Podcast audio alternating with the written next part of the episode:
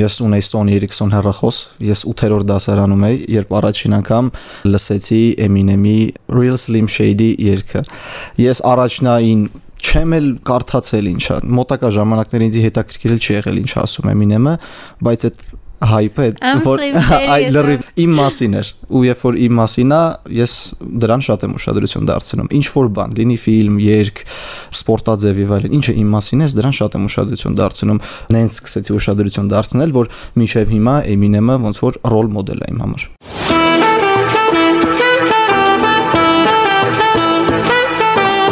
շատ տակթեյ Վեգա Անդրեասյանի հետ Եթե հետևում եք իմ ռադիոին եւ լսում եք մեր մյուս ոդքասթները նույնպես, ապա վստահ եմ այսօր եթերից լսեցիք ոչ թե մեկ, այլ երկու ծանոթ ձայն, որովհետեւ իմ հյուրն այսօր իմ գործընկեր Գևորգ Մալաքյանն է։ Բարի երեկո, շնորհակալություն հրավերի համար։ Քեզ եմ շնորհակալ, որ եկար այն տաղավար, որտեղ աշխատում ես։ Շնորհակալություն, որ նստել ես իմ տեղը։ Այո, ոչ աշխ։ Լսեցիք, ասում եմ նստել ես իմ տեղը։ Ես նորեկ եմ։ Քանի տարի եմ ես նստած եղել այստեղ մինչև դու եկել ես։ Այո, շնորհակալ եմ։ Ասա շնորհակալ եմ, որ թույլ ես տալիս երբեմն նստեմ քո տեղը։ Շնորհակալ եմ, որ թույլ ես տալիս նստեմ քո տեղը։ Շատ լավ։ Իրականում այսօր խոսում ենք ինչպես իմ, այնպես էլ կարծում եմ մարդկանց մեծ մասի ամենասիրելի արտիստներից մեկի Eminem-ի մասին եւ իմ դիմաց նստած Eminem-ի շատ մեծ երկրպագում։ Ես վաղուց էի սպասում այս էպիզոդին Ես էլ։ Որովհետև եթե խոսում ենք սկանդալային արտիստերի մասին, Eminem-ի մասին չխոսել հնարավոր չի։ Ուղղակի նաև շատ պատասխանատու է։ Այսքան պատասխանատվությամբ մեկ էլ Թուփակի մասին էպիզոդն եմ ձայնագրել, որովհետև էլի վախենում էի շատ, թե երկրպագուներից, թե արձագանքից հիմա նույնը երևի մի քիչ էլ ավել Eminem-ի իմասով, որովհետև կարծում եմ Հայաստանում գոնե Eminem-ը նույնիսկ ավելի պոպուլյար է, քան Tupac-ը։ Այո, ես կարծում եմ, որ համաշխարհային ճանաչումով Eminem-ը առաջին հորիզոնականում է, կիսում են երևի առաջին հորիզոնականը Snoop Dogg-ի հետ, բայց նույնիսկ рэփ չլսող անձնավորությունը գիտի թե ով է Eminem-ը։ Այո։ Իհարկե, էպիզոդը որոշել ենք նվիրել Eminem-ի սկանդալներին եւ իր ճակերտներում ասած բիֆերին, հա, հակամարտություններին տարբեր արտիստների հետ, բայց նրա կյանքի առաջին հակամարտությունը եւ ամբողջ կյանքի հակամարտությունը առհասարակ իր մոր հետ է։ Այո։ Այնպես որ առաջարկում եմ սկսել սկսենք եւ քեզ խնդրեմ պատմես նրա մանկությունից եւ մայրիկի հետ վատ հարաբերությունների պատճառներից։ Նախ այս էպիզոդը պետք է տենց կողքը ինչ-որ կարևոր նշում անել ինչու, որովհետեւ սա այն բացառիկ դեպքերից է, որ ես ինչ-որ բանի մասին ես խոսում եմ ու դա սպորտ չէ։ Դա շատ կարևոր է, ինձ ճանաչողներն էլ դրա մասին կխոսեն, բայց ես որոշակի համեմատականներ կանցկացնեմ ինչու, որովհետեւ ես լիքը բաներին իմ կերպ եմ նայում ու ես Eminem-ի պատմությանը նույնպես նայում եմ հենց այն տեսանկյունից, որով նայում եմ մի շարք հայտնի ֆուտբոլիստների։ Ես փոքրիկ կոմենտ կարեմ, նոր կշարունակեք, կարծում եմ սա նույնպես պատահական չէ, Eminem-ի երաժշտությունը աշխարհի ամենամոտիվացնող երաժշտությունից է։ Շատ հաճախ Eminem-ի երգերը, երբ շատ այսպես հանձնվելու եզրին ես, Eminem-ի երգերը ուժ են տալիս եւ կարծում եմ, որ սպորտում նույնպես դա հաճախ շատերին օգնում է, այնպես որ այո, անմիջական կապ Eminem-ը սպորտի հետ ունի։ Հա, Eminem-ը շատ մոտիվացնող երգեր ձեր ունի, որը շատ տարբեր սպորտաձևերում, մարզադահլիճներում եւ այլն լսվում է։ Ես շարունակելով միտքս նշեմ, որ ես շատ ֆուտբոլիստներին ու ընդհանրապես նաեւ մարդկանց դատում եմ այսպես՝ ցույց տուր թե դու որտեղից ես, ես կասեմ թե դու ով ես։ Երբ խոսում ենք Eminem-ի մանկությունից, նախ պետք է հասկանանք թե որտեղից է եկել Eminem-ը։ Դեթրոյթ քաղաք, որը ծաղկունք էր ապրում 1930-ականներից մինչև 50-ական, 60-ական թվականներ։ Այնտեղ արդյունաբերական գործարանները գնալով շատանում էին, նահանգը զարգանում էր Դեթրոյթը հատկապես, որովհետև Դեթրոյթը համարվում է կենտրոնը ու Դեթրոյթում ամեն ինչ լավ էր։ Հենրի Ֆորդը եկել էր այնտեղ արդյունաբերական մեքենաշինության աշխատանքներ էր կատարում, զարգացումը գնաց գնաց գնաց, բայց սա հնարավոր է շատերի մոտ հնչի որևէ ռասիստական կերպով, բայց ես առաջին մարդն եմ ով դեմ է ռասիստներին 1973 թվականին Coleman Young անունով անձնավորություն դարձավ Դեթրոյթի 66-րդ քաղաքապետը եւ ինչն էր դրանում կարևոր եւ ինչով եմ ես ցանկանում խաչել այս ամենը. Coleman Young-ը դառնալով քաղաքապետ որոշակի այսպես ասենք արմատային փոփոխություններ կատարեց քաղաքում եւ նա բացի բաց արտահայտվում էր որ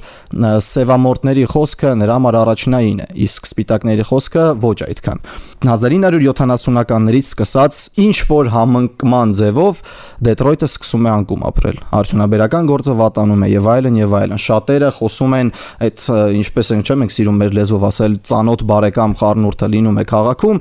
ու ստեղծվում է մի իրավիճակ, որ Դեթրոյթում աղքատությունը ավելի շատ է լինում եւ հենց այդ աղքատության տարիներին եւ հենց այդ աղքատության շրջապատում ծնվում է Eminem-ը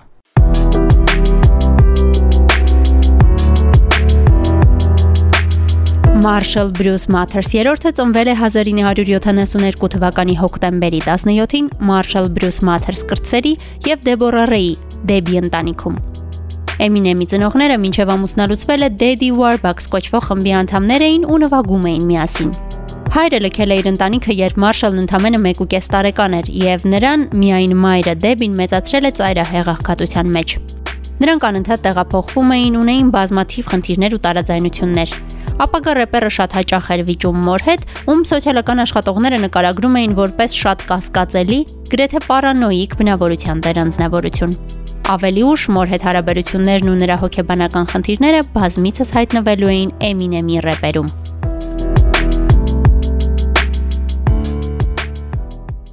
եթե գիտես Eminem-ի պատմությունը կամ եթե չգիտես Eminem-ի պատմությունը, միայն, այսպես ասենք, աշխարհագրական պատմական իրադարձություններին հետերով կարող ես հասկանալ, թե ինչ մանկություն կարող է ունենալ մի փոքրիկ տղա, ով ծնվել է սևամորտների բլոկում, հա, սենց են, ասպես են ասում այնտեղ։ Այո, բլոկում է ծնվել, նրա ծնողները այդքան էլ հաջող չէին, դա ճակատագիր է, ես հավատում եմ ճակատագրին ու այդ ամենը խառնվում է նրա տեսակի հետ ու ստացվում այնպես, որ նրա ծանր մանկությունը լինում է անմոռանալի իր համար, ինչպես նա նշում է մի շարք իր երգերում։ Սևամորտների միջավայրում մեծացող սպիտակամորտ տղա, որը փորձում էր կանալ ոչ միայն տանալ, նաև դրսում, իր կենսագրության մասին առաջին անգամ կարծում եմ բոլորս որոշ փաստեր իմացել ենք հենց 8-րդ 8-րդ մղոն ֆիլմից, շնորհակալություն իդեպ ֆիլմին, կարծում եմ լավագույն ֆիլմերից մեկն է եւ լավագույն rap battle-ի, նաև լավագույն rap battle-ի տեսարանն է այնտեղ, որը ես պաշտում եմ Եվ համաձայն եմ քո հետ, որ գոնե, չգիտեմ պատճառները իհարկե հասկանում եմ, որ մայրն էլ իր պատճառներն է ունեցել, բայց ամեն դեպքում մոր հետ հարաբերությունները սարսափելի էին եւ Eminem-ը նույնիսկ դիստրեկ ունի ուղված հենց իր մորը, որի մասին փոքր ակնարկեցինք։ Պատանեկության տարիներին երևի հասնենք Eminem-ի, որոնք ամենադժվարն էին եւ որի ընթացքում էլ հենց Eminem-ը հանդիպում է իր կյանքի ինչ որ առումով խնդիրներից եւս մեկին իր նախկին կնոջը Kim Scott-ին։ Հիշում ես իրենց պատմությունը։ Իհարկե, ես հիշում եմ իրենց պատմությունը, այդ ընթացքում Eminem-ը զարգանում է որպես рэպեր, նա իր underground այդ rap battle-ներով շարունակում է հիացնել ոչ թե մեծանուններին, հա, այդ ժամանակ Dren նոր-նոր էր պատրաստվում ծանոթանալ Eminem-ի հետ, բայց իր underground հանրաճանաչության շնորհիվ նա կարողանում է հարաբերություններ ձևավորել եւ այլն Քիմը դառնում է նրա միակ սերը առ այսօր ինչի համար ես կոնկրետ որպես ընկերական չեմ կարող ցավել իր համար, բայց կողքից նայելու համար նման արտիստը, որ անձնականում ոչինչ այդպես էլ չդասավորվեց, նրանք ծանոթանում են, նրանք բավականին շուտ ունենում են Քանի տարեկան էր ասեցի, երբ Դրեի հետ է ծանոթանում 16 Դրեն 16 տարեկանում է ծանոթանում Eminem-ի հետ, իսկ դրանից առաջ, այսպես ասենք, տանում է իր տուն Քիմին որոշ ժամանակ անց երբ արդեն իհարկե լինում է Իդեպ այս այս մասին նույնպես իհարկե ես գիտեմ, որ այնտեղ կարծես թե ինչ որ առումով մայրը մի երկու անգամ դեմ արտահայտվել է, որ Քիմը ապրի, բայց ամեն դեպքում կարծում եմ բավական դեմ չի արտահայտվել, եթե դու թույլ ես տալիս, որ 14 տարեկան երեխաները իրար հետ ապրեն Դա Դեբի Նելսոնը, իդեպ մոր անունը, մոր անունը Eminem-ի կարող էր քննադատել, բայց եթե հիշենք, եթե վերադառնանք մանկություն ու հիշենք թե ինչ է արել իր երեխաների հանդեպ Դեբին, ինչպիսի անուշադրության էր մատնում այն ժամանակ, երբ իր սեփական կյանքն էր ցանկանում դասավորել ու հենց դրա պատճառով էր, որ Eminem-ը դպրոցական տարիներին բուլինգի էր ենթարկվում, ասենց սևամորտների կողմից երևում էր, որ նա այդ փոքր ժամանակ ուներ ջիղ դառնալու, չգիտեմ, բանաստեղծ կամ չգիտեմ, որովհետև ինչքանով որ ես տեղյակ եմ, կոնկրետ մարդու անուն չեմ տա, բայց իր ընտանիքում կային բանաստեղծներ, որոնք բավականին լավ էին այդ հանգերի, բառապաշարի եւ այլն, ու նա ժառանգաբար վերցրել է իր վրա։ Մինչև Dr. Dre-ի հետ ծանոթությունը, ծանոթությանը հասնելը ես կուզեմ քեզ մի հարց տալ, քո կարծիքը հետաքրքիր է։ Մի հարցազրույց կա, որտեղ 50 Cent-ը ասում է հիփ-հոփը փորձեմ թարգմանել, անգիր հիշում եմ այդ հատվածը, փորձեմ հայերեն ասել, ասում է հիփ-հոփը սևական երաժշտություն է։ Եվ շատերը զայրանում են այն հանգամանքից, որ կա սպիտակ արտիստ, որը դա անում է ավելի լավ, քան սև արտիստները։ Խոսքը իհարկե Eminem-ի մասին էր, բայց Ինչ ես կարծում։ Արդյոք Eminem-ի մոտ դա կստացվեր, եթե նա ամեն դեպքում սևերի միջավայրում չմեծանար։ Կարծում եմ ոչ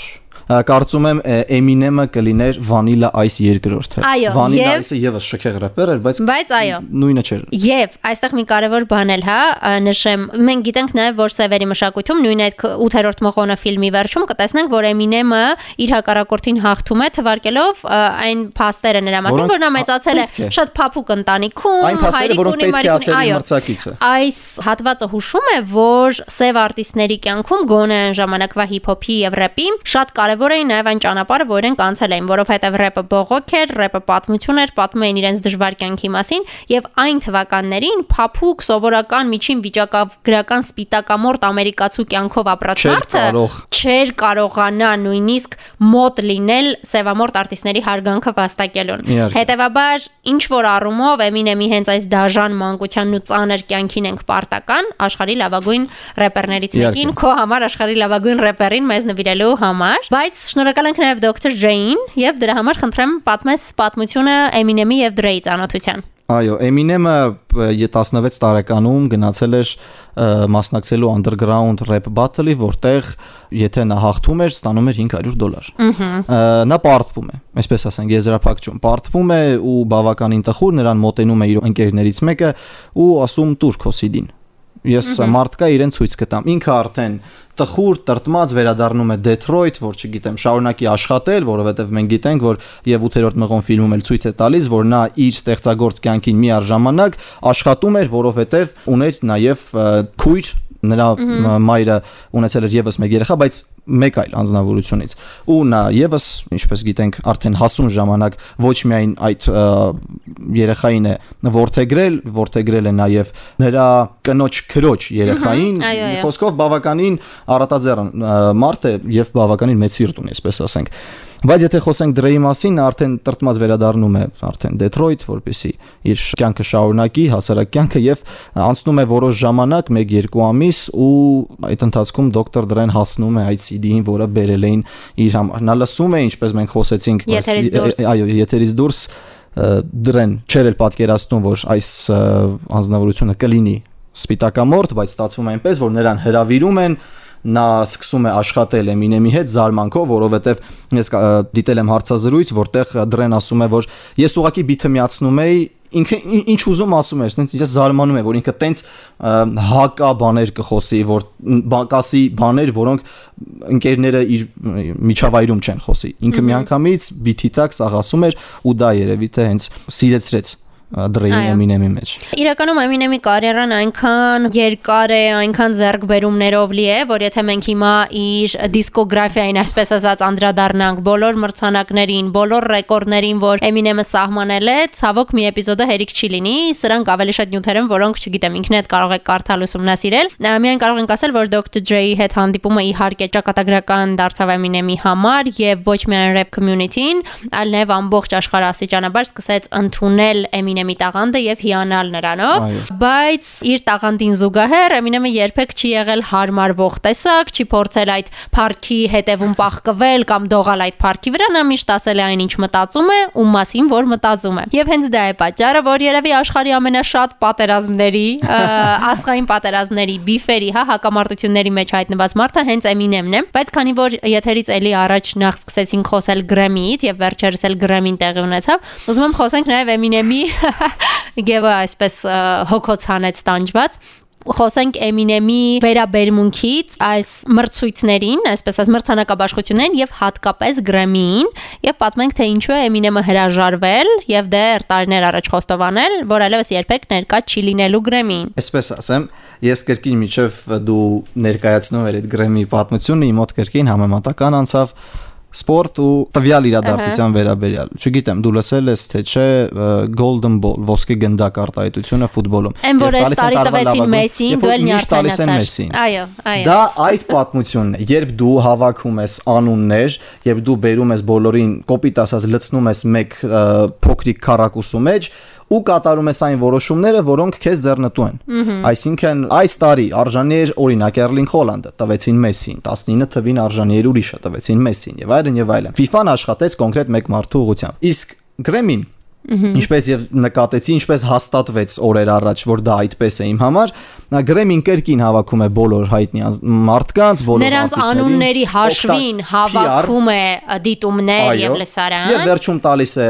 նրան ում ոչ ոք չի ճանաչում։ Ում ոչ ոք չի։ Killer Mike, կներեք, ով է Killer Mike-ը։ Ես ոչ մի բան չունեմ այդ մարդու դեմ, բայց երբ որ ինքը դուրս եկավ, բեմ ես առաջինական տեսա։ Ռեփ ալբոմ, տարվա ռեփ ալբոմ անվանակարգում։ Ռեփ ալբոմ, տարվա ռեփ արտիստ, տարվա սինգլ, ասենք վերադառնանք Eminem։ Եվ այս մասով եթե թույլ կտաս Eminem-ի մեջբերումը անեմ, թե հենց այս մասին ինչն է զայրացրել, ես էլի բառացի թարգմանում եմ Eminem-ի հարցադրույցից մի հատված, նա ասում է Ես դեմ չեմ լինի եւ կհասկանամ, որ եթե մրցանակը տակ Kanye West-ին, երբ այնտեղ եմ, երբ մրցանակը տակ 50 Cent-ին, երբ այստեղ եմ, այստեղ գովում է նաեւ հարցազրույցում 50-ին, որ այնինչ 50 Cent-ն է արել իր առաջին ալբոմով, ասում է չեմ արել նույնիսկ ես։ Այն թե ինչ է կարողացել 50 Cent-ը, այո, անել իր առաջին, այո։ Եվ անձամբ Eminem-ը խոսում է, նույնիսկ ես դա չեմ կարողացել անել, բայց 50 այդ ալբոմը չի արժանացել Grammy։ Այսինքն նա ասում է, որ երբ որ հաղթում են արտիստներ, որոնք իրոք արժանի են, ես դրանից երբեք չեմ նեղվի եւ դա ինձ չի նյարդայնացնի, բայց երբ որ դուք մեզ բոլորից հավաքում եք այդտեղ եւ տալիս եք ինչ որ մարդու, այո, այո,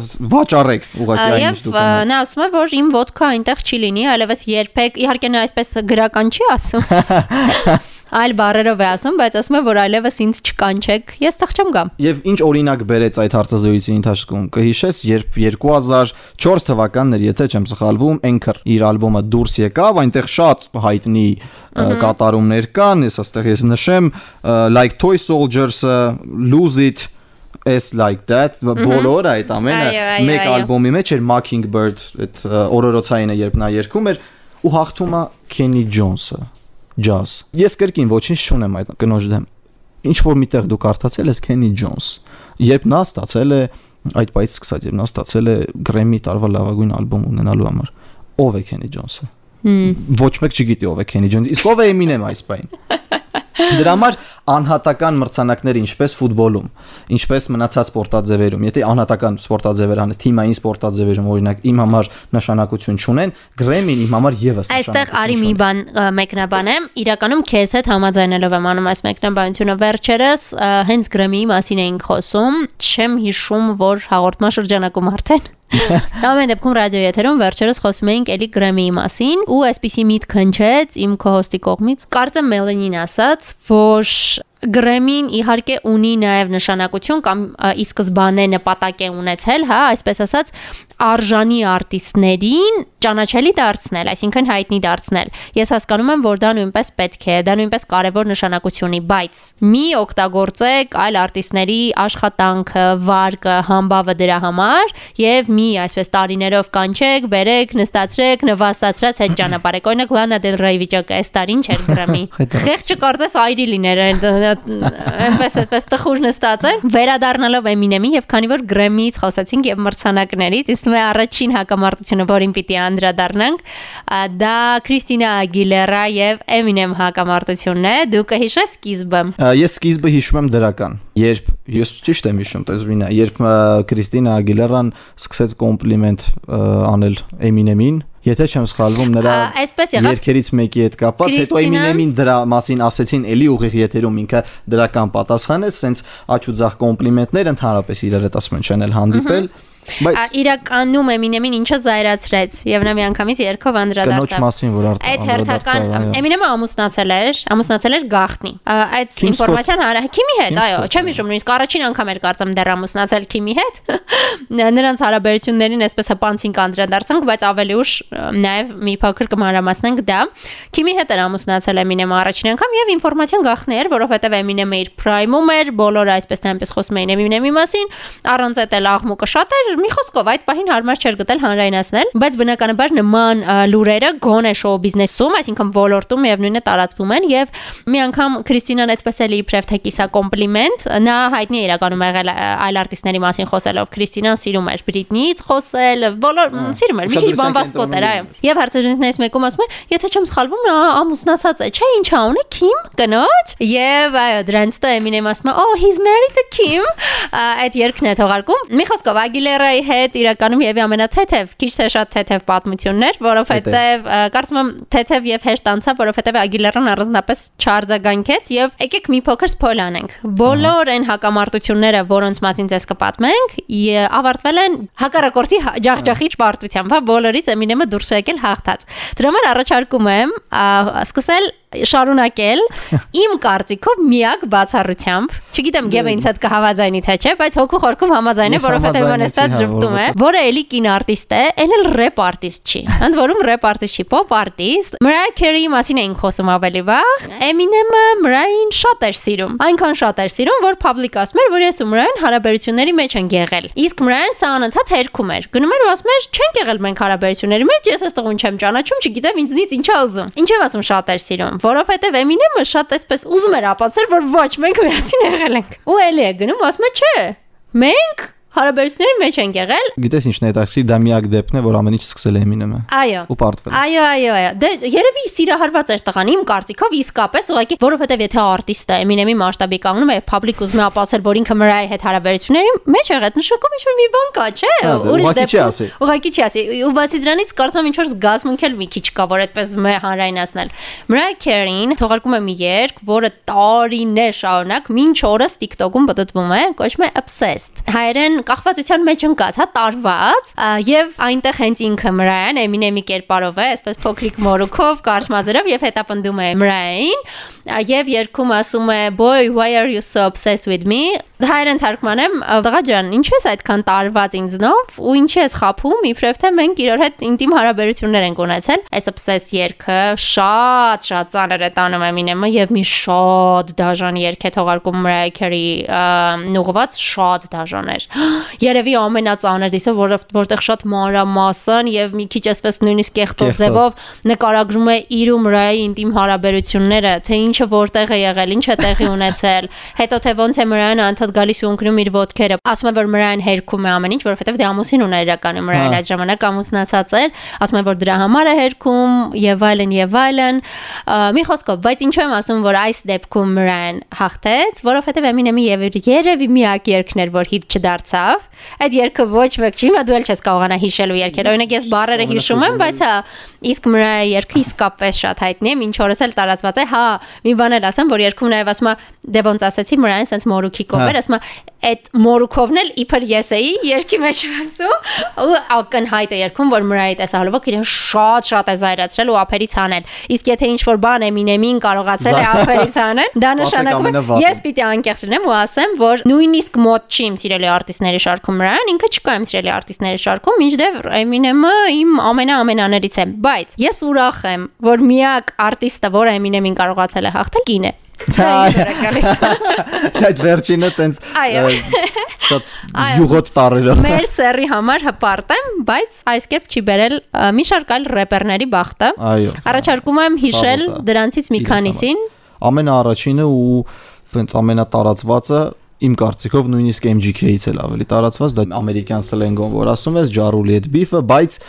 շատերը ասում են որ Eminem ու Ջարուլը եղել, չէ, եղել է 50 Cent ու Ja Rule, որովհետև այդ ժամանակ Eminem արդեն սերտ հարաբերությունների մեջ էր Dr. Dre-ի հետ։ Նրանք միասին էին բացել label, նրանք միասին էին գտնում արտիստների։ Ու եկավ ժամանակ, եթե ես չեմ սխալվում, Ja Rule-ը նույնպես Detroit-ից էր, ու Ja Rule-ը ուզում էր 50 Cent-ին այնքան, որքան Eminem-ն ու Dre-ն էին ուզում 50 Cent-ին, որովհետև ծաղկողաստղ զգում ես միանգամից որ միլիոնները, միլիոնավոր դիտումները Այստեղ հստակեցնենք, որ ուզում էր պայմանագիր ստորագրել նրա հետ։ Ուզել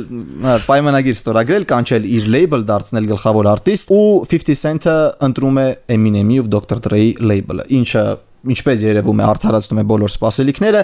բայց Ջարուլը այդ ամենի միջով անցնելով, այդքան փորձելով, համոզելով, տեսնում է, որ իր կողմ 50 Cent-ը չնայեց, չգիտես ինչու, չգիտես ինչպես, չգիտես ինչ անցավ իր մտքով, ինքը որոշում է դիս անել Eminem-ին։ Չէ, ինչի համար։ Ու ոչ միայն դիս, երբ նա իր ես իհարկե չեմ թարգմանի այդ նախադասությունը, որը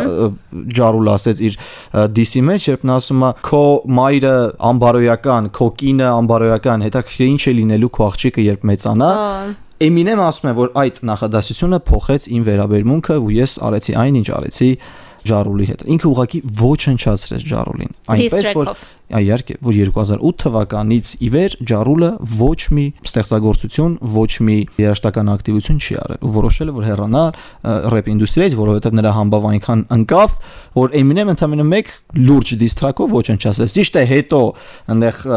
խայթոցներ լինում էին տարբեր երգերում, բայց հիմնականը հենց սպանեց ուղակի ջարոլին։ Այ որ ասում ես չգիտես ինչու որոշեց հենց Eminem-ին ուղղել, ես կարող եմ ենթադրել ընդհանրապես երկու պատճառ։ Դե մենք իմանում ենք երկու վերջնական հանրային ինֆոն։ Մենք իմանում ենք, որ օրինակ 15 ընտրեց Eminem-ից Eminem-ի label, բայց մենք չգիտենք կուլիսների յետևում ինչ է լինում։ Կարող է օրինակ ինչ որ խոսակցություն են ունենում, կարող է օրինակ Eminem-ը զանգում է, ասում է եղբայր, չգիտեմ, հերու մնա, կամ կարող է ինչ որ Eminem-ը կոնկրետ բաներ է առաջարկում, կամ Eminem-ի ֆակտորը կարևոր է լինում 50 որոշման մեջ, ինչը հստակ կարող է այդպես լինել, այո։ Հետևաբար վստահ եմ իրենք էլ են հասկանում ում է ուղում եւ բացի դրանից ինչքան էլ որ այդ ժամանակ 15 էլի prime-ում էր բոլորը հասկանում էին իր արժեքը, Eminem-ն արդեն Eminem-ն էր եւ պես hype-ի առումով եւ կոնֆլիկտի առումով երևի հասկանում է թե ում կպնելուց ավելի շատ աղմուկ կբարձրանա եւ ակնկալում է պատասխան, բայց գուցե չի պատկերացնում որ պատասխանը կլինի այնքան կոշտ, որ ինքը ստիպված կլինի թողնել իր կարիերան։ Խոսեցինք մի մարդու մասին, որը full թողել էր կարիերան, այսինքն ամբողջովին դուրս եկավ վրեպից,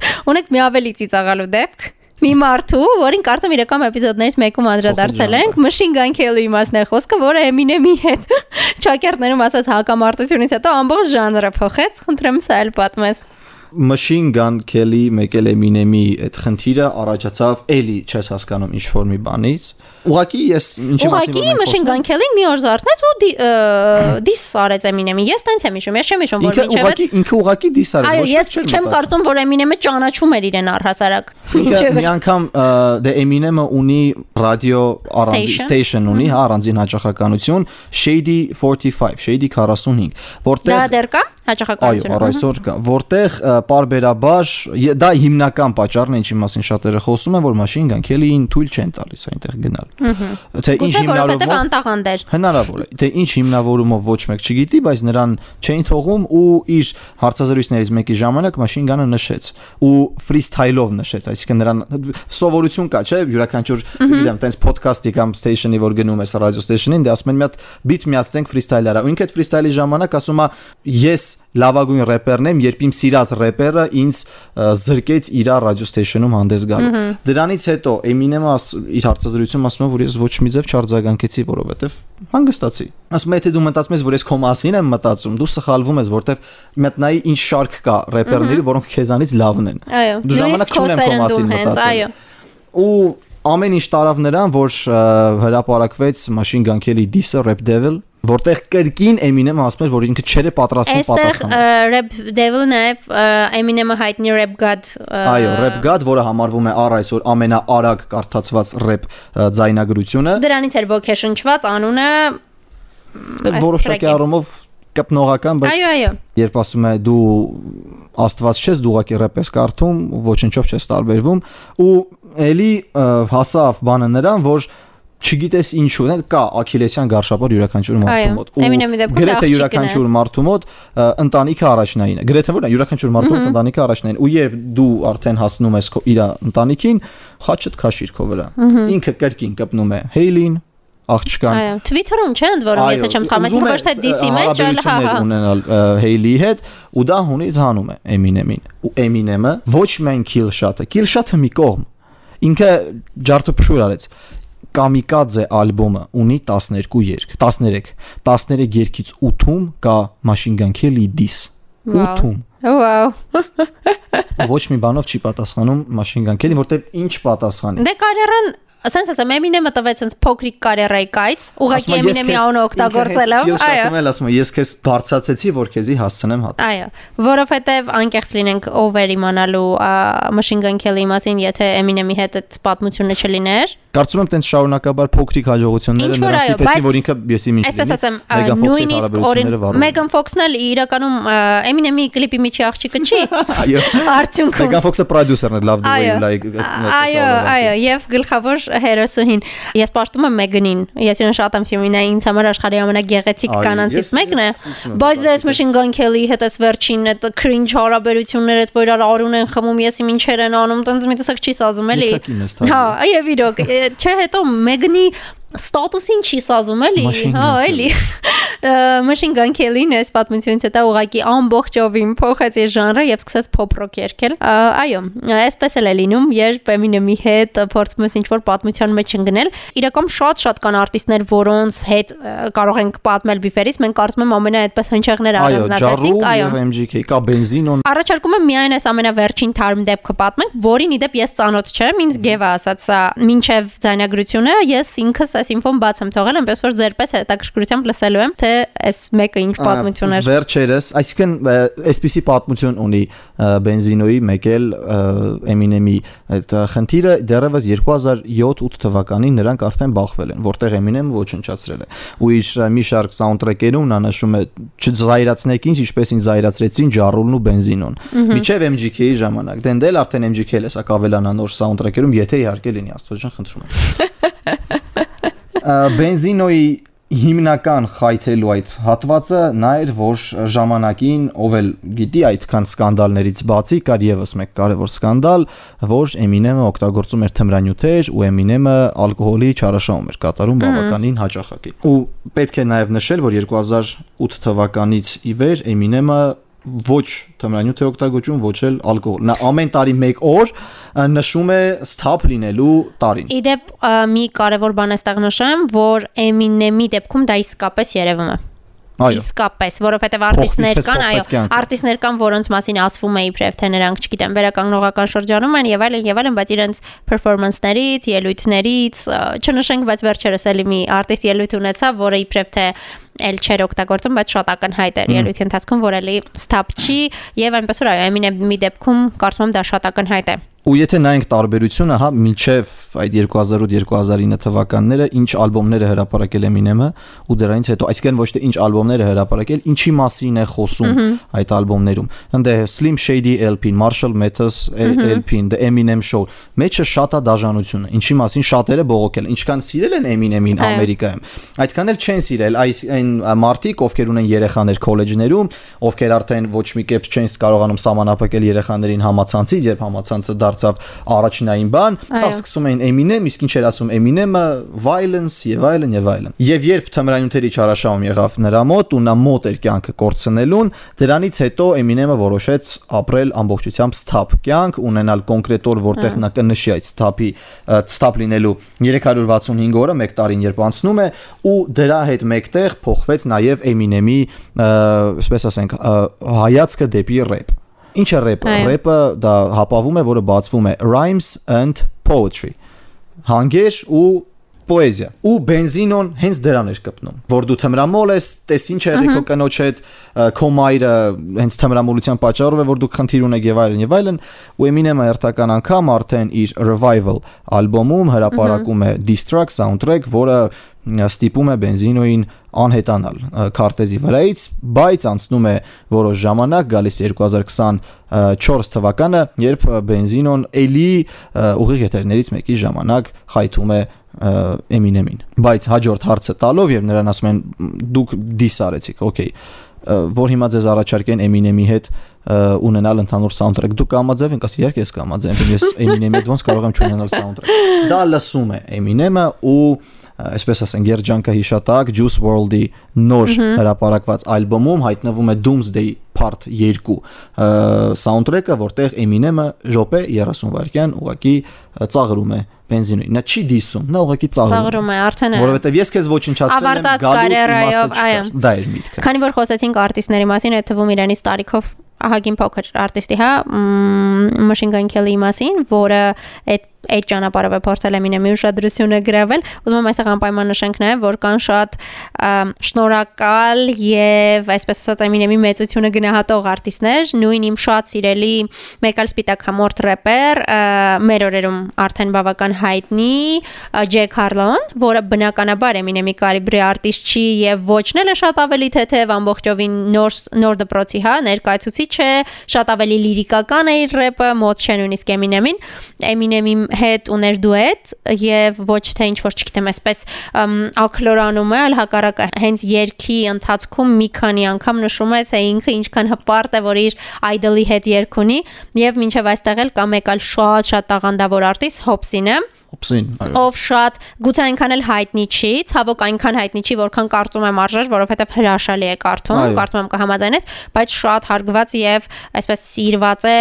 հենց рэփ մշակույթի շրջանակում, այսինքն рэպերների շրջանակում եւ բնականաբար Eminem-ը նույնպես նկատել է իրեն եւ իր երգերից մեկում անդրադարձել էր Օպսինին, դուք պետք է տեսնեք այդ տեսանյութը, թե ինչպես է երիտասարդ արտիստը ուրախությունից ուղակի գոռում այն բանից հետո, երբ տեսնում է, որ Eminem-ը իրեն ուշադրությանն է արժանացրել։ Կուզեմ մի քանի բառով էլ Eminem-ին ներկայիս կյանքին անդրադառնանք։ Մենք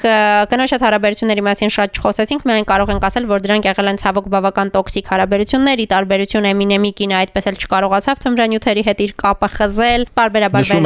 Այո, բարբերաբար վերադառնում էր թմրամիջոցների, Eminem-ն ու Kim-ը ամուսնացել են, բաժանվել են, չէին կարողանում միմյանցից, այսպես ասած, կտրվել երկրորդ անգամ են ամուսնացել, Եթե տևել չեմ է սխալվում չեն ամուսնացել, ուղղակի միավորվել են, Եթե չեմ ամիս չեն սխալվում, դիմացել, հա, էլի բաժանվել են, բայց ամեն դեպքում Էմինեմը կարծես թե ինչպես դու նշեցի, շարունակել է հոգ տանել կնոջ երեխայի մասին։ Ես TikTok-ում հետևում եմ Էմինեմի դստերը, Hailey-ին։ Էմինեմը հենց հիմա բոլորին սпасացնում է։ Շատերը ասում են, որ ավարտվել է Էմինեմի կարիերան որպես рэպեր, ինքը միայն զբաղվում է պրոդյուսերությամբ, ինչը անում է շատ երկար ժամանակ արդեն Jay-Z-ին։ Եթե ասում եմ Jay-Z, ես պետք է այդ միտքը արտահայտեմ։ Չեմ հասկանում այն մարդկանց, ովքեր համարում են Jay-Z-ին top 5, top 10-ը լավագույն рэպերների շարքում, որտեվ Jay-Z-ին փաստացի բլուպրինթը հանել ալբոմ ու վсё, ինքը դրանից հետո զբաղվել է պրոդյուսերական գործով թե ինչպիսինն է որպես պրոդյուսեր վառ կերպարը Beyoncé-ն վարկերպարը Ռիանան նաև, այո, այո։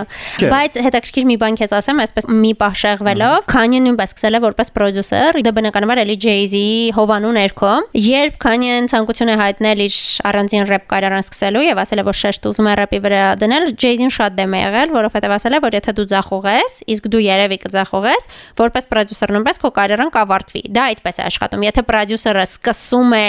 կարիերա, որը ձախողում է, իր պրոդյուսերական գործունեությունը դրանից մի անգամ միանգամից շատ լուրջ տուժում է, որովհետև համարվում է, որ եթե դու ինքդ քեզ չկարողացար տեղ հասցնել, ուրիշներին դժվար կարողանաս։ Կանյան չի լսում Jay-Z-ին բարեբախտաբար եւ սկսում է իր կարիերան, բայց ես ուզում եմ մի փոքրիկ կոմենտ անել եւ ասել իմ կարծիքը։ Ես չեմ համարում, որ Eminem-ի կարիերան ավարտված է, որովհետեւ նույնիսկ եթե մարդը դեռ շարունակում է աջակցել այլ արտիստներին, եթե նույնիսկ ալևս երբեք չթողարկի երգեր, միևնույն է ունի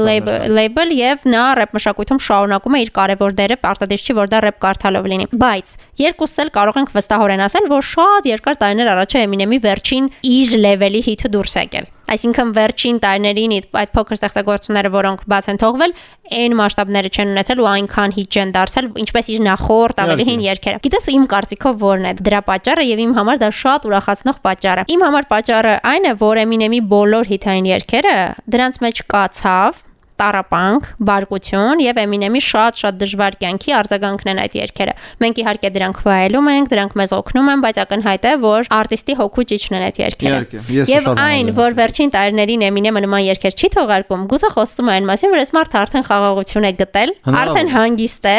երջանիկ է եւ էլ այդքան ցավ ու էմոցիա չկա, որ ներդրի երգերի մեջ, համար ավելի թեթև է տանում։ Վերջին ալբոմները Eminem-ի, հա, Kamikaze-ն, Music to be Murdered, առաջին հատվածը, երկրորդ հատվածը, երբ որ դու լսում ես ու կարդում ես, թե ինչ որ ասում է Eminem-ը, հիմնականը դա ինչ որ բանից հղել է որպիսի նա իր ալբոմը հանի այսինքն ինչ որ մեկը նրան հարվածել ինչ որ մեկը նրան ստիպել այնպես լինել որ ինքը դիսկոմֆորտ լինի Այո, այո։ Հենց այդ MGK-ի հետ խնդիրը։ Դրանից հետո դուրս եկավ Kamikaze-ն։ Հետո խնդիրներ առաջացան, շատերն ասացին, որ Eminem-ը կորել է։ Աչ ու ձախ փոքրիկ խայթոցներ։ G-Unit խումբ կար, որը հիմնադրեց 50 50 Cent-ը, որտեղ կային մի շարք մեծ рэպերներ, Young Buck-ը ընդեղ էր, Tony Yeon ընդեղ, The Game-ը, ամենահայտնի այսպես ասենք ժամանակին ընկեր է 50 Cent-ի ու the game-ը parberabar խայթում, խայթում, խայթում էր։ Eminem-ին ասում է, որ դու էլ մեծ рэպեր չես, դու relevant չես, որովհետեւ քո երգերը այլևս ակումբներում չեն հնչում։ Իսկ Eminem-ը իր The Realist, իր label-ի рэպերի հետ ֆիթ է անում ու մեջ ասում է, որ քո երգերը միչև հիմա լսվում են ակումբներում, որտեվ դու միչև հիմա քո ստեղծագործությունները հնչեցնում ես ակումբներում։ Ես ակումբով չեմ զբաղվում, իմը արենաներն ու ստադիոններն են։ Իրականում պիտի անկեղծ լինեմ, ասեմ, որ The Game-ին նույնպես որպես արտիստ հավանում եմ ու ցավում եմ, որ ինքը նույնպես այդպես հատկապես որ The Game-ը նաև բազմիցս իր աջակցությունն է հայտնել հայոց ցեղասպանության ընդունման հարցում, ինչը մենք դա էլ են գնահատում, այնպես որ ցավում եմ, որ Eminem-ի հետ հարաբերությունները այդպես են դասավարել, բայց դա կարծում եմ որոշ առումներով մշակույթը իրենց ստիպումել է, բարբերաբար չգիտեմ։ Իհարկե կան արտիստներ, որոնք այդպես կոչված կլասը պահում են եւ չեն ցածրանում, բայց կան արտիստներ, որոնք անընդհատ ինչ-որ տենց ավելի ցածր քայլեր են դիմում։ Շատ շնորհակալ եմ, Գև։ Քեզ եմ շատ շնորհակալ։ Եվ ամփոփելով, առաջարկում եմ փորձես պատասխանել հետևյալ հարցից։ Եթե ստիպված լինեիր ամբողջ կյանքի ընթացքում լսել Eminem-ի ընդամենը մի երգ, որ երգը կլիներ դա։ Not afraid. I'm not afraid. I'm not afraid to take a stand. Take a stand. Everybody, everybody, come take my hand. Come take my hand. grow together through the storm. Whatever weather, cold or warm, Then you know that you're not alone. Holla if you feel like you've been down the same road.